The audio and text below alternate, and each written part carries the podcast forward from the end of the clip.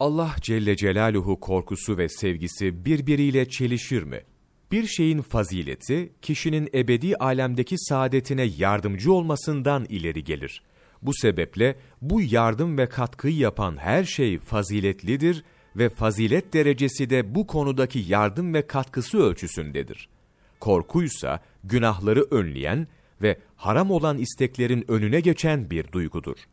O bu hususiyetiyle kul için Allahu Teala'nın rızasına ve cennete giden yolu açar. Çünkü bu yolu tıkayan şey günahlar, gafletler ve meşru olmayan arzulardır. Korku bunları silip süpürdüğünden dolayı büyük bir fazilete sahiptir. Korku, bunun yanında salih ameller yaptırır ve üstün ahlaki sıfatlar kazandırır. Korku öyle bir ateştir ki, insandaki bütün çürükleri yakar ve ondaki bütün hamlıkları pişirir.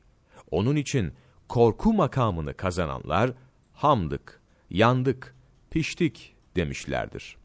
Korkunun aslı ve kaynağı ilim, faslı ve meyvesi takvadır. Takva, korku sebebiyle Allahu Teala'nın emirlerine muhalefet etmekten sakınmaktır. Takvada korku unsuru galip olduğu için bu isim Allah Celle Celaluhu korkusu içinde kullanılır.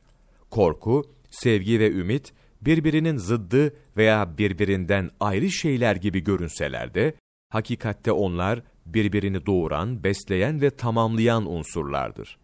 Çünkü bir şeyi seven veya ümid eden aynı zamanda onu kaybetmekten korkar ve onun bu korkusu o şeyi sevmesi veya ümid etmesi kadar kuvvetli olur.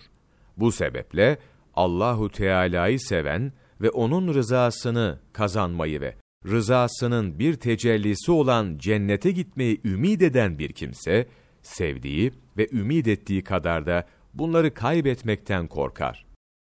Allah Resulü sallallahu aleyhi ve sellem, Allah Celle Celaluhu korkusu, akıl ve hikmetin başıdır buyurmuştur.